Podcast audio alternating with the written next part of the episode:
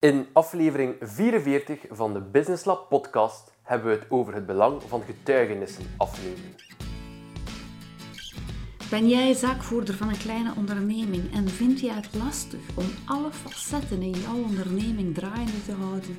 Abonneer dan vandaag nog op onze podcast.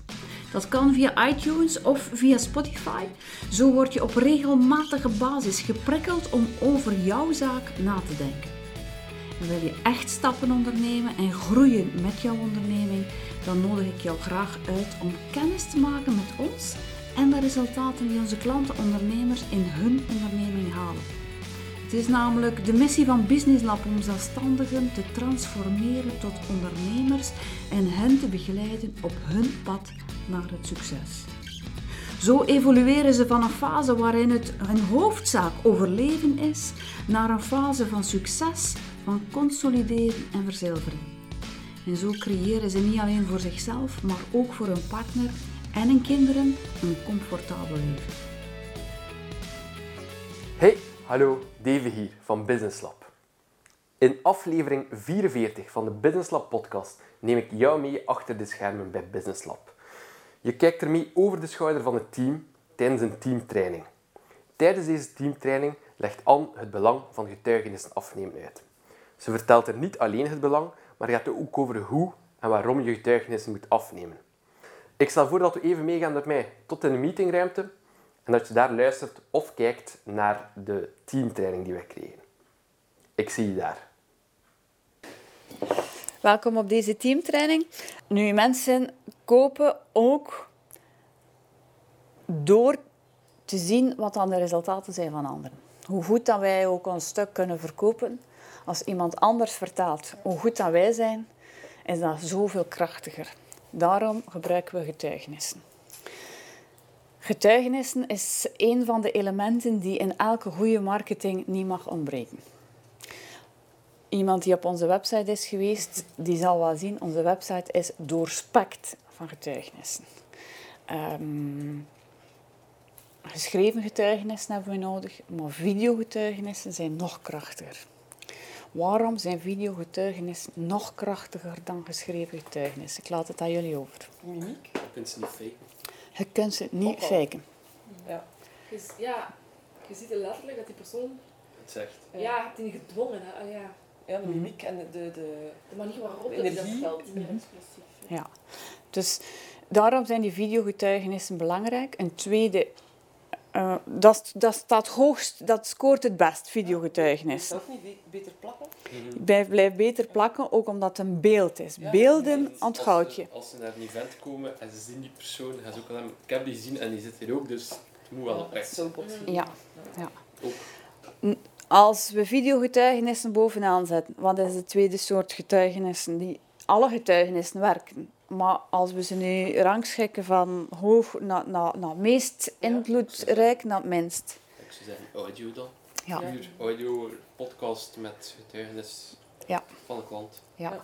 Bijvoorbeeld de podcast van Dieter dat we hebben, maar we hebben ook nog andere po- podcasts met andere klanten. Dat is, dat is, ehm, ze horen iemand, ze horen het timbre van iemand, ze horen hoe dat hij spreekt. Ehm, en ze kunnen, wat dat ook heel belangrijk is bij een getuigenis, is dat de volledige naam, de gemeente en de onderneming erbij staat. Dat ze letterlijk kunnen traceren, Ja. is dat, is dat effectief zo. Ik herinner, eh, Jan. Ja. Ik herinner mij, het is een kick-off of drie geleden, dat iemand zei van ik zat letterlijk naast de banner van Lente de Welde.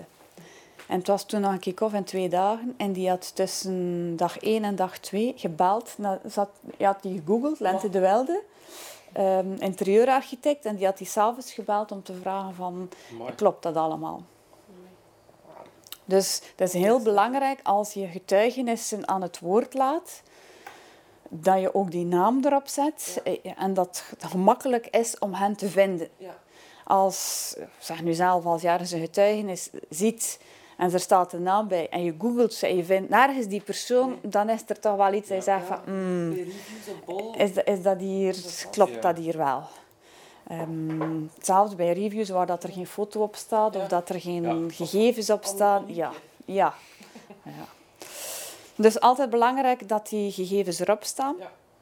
Dus videogetuigenissen hebben we, audiogetuigenissen hebben we en dan de geschreven getuigenis. Bij geschreven getuigenissen is het superbelangrijk dat de foto erbij staat. Een getuigenis zonder foto, een van onze mentoren zei, dat is lekker seks hebben in de donker. Met? In de donker. Ah, in donker. Met? Ik dacht met, maar ik kon niet verstaan wat er erna kwam. Ik was benieuwd. Ehm, mensen, terug, mensen denken in beelden. En mensen gaan letterlijk uw pagina, als het op een pagina is of een folder, gaan ze gaan, gaan screenen welke getuigenis gaan ze gaan lezen. Niet aan de letters, maar aan de foto. Ja.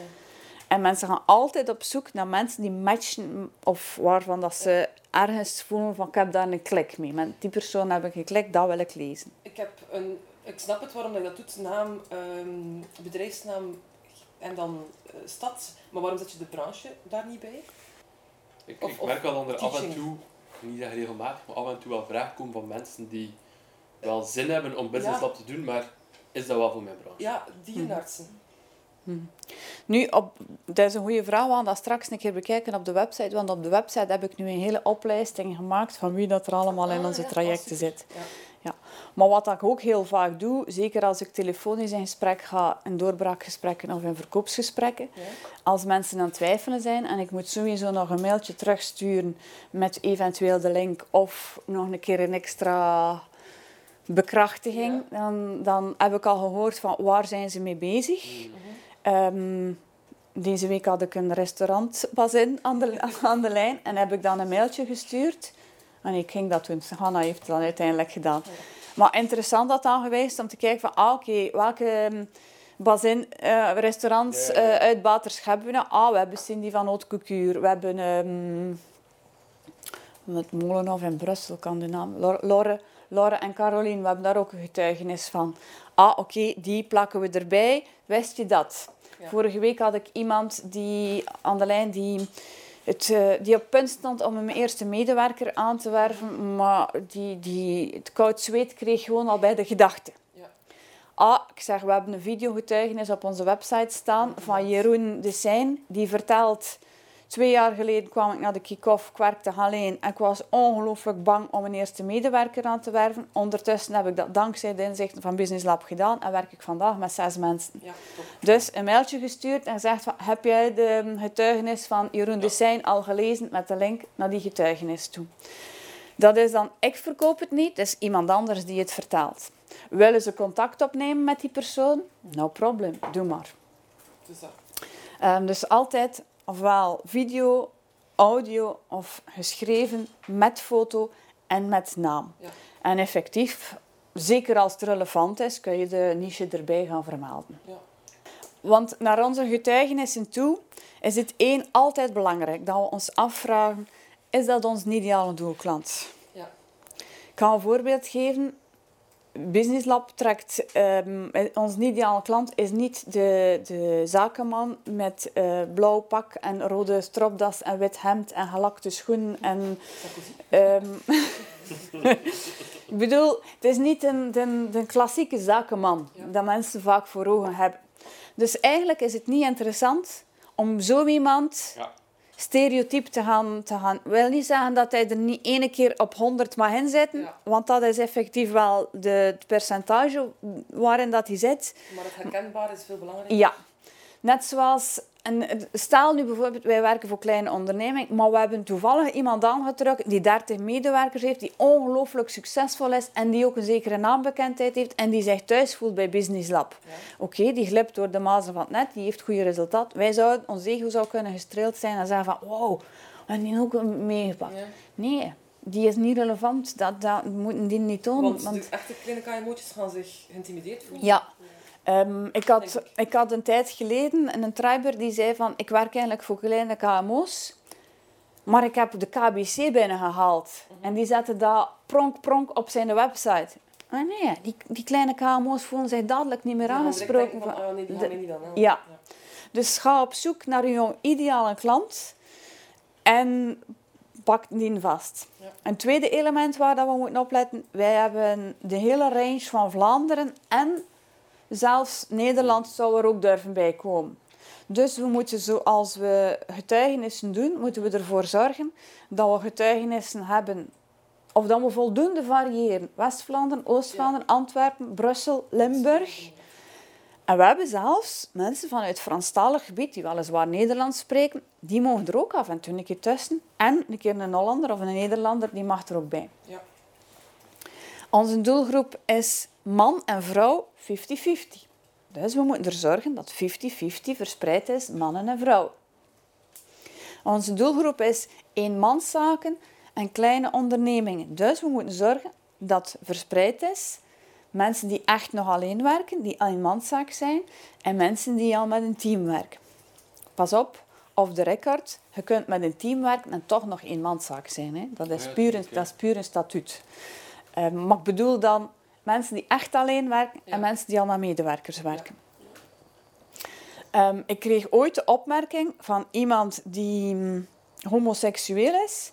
En die zei van, had ik een testimonial gezien van Business Lab, waarin dat die persoon vertelde dat hij homoseksueel was, ging ik veel rapper aangetrokken geweest zijn om te komen tot bij jullie. Dat ging mij laten blijken van, ah, die zijn ook tolerant naar homoseksualiteit. Maar het punt is, hoe krijg je dat in een getuigenis? hè? Wat is de relevantie? Ja. Als de uitbater van Na Plus eh, ooit bij je Business Lab terechtkomt, dan gaan we het wel doen, natuurlijk. Via de mensen die je interviewt, weerspiegel je eigenlijk de cultuur van de onderneming.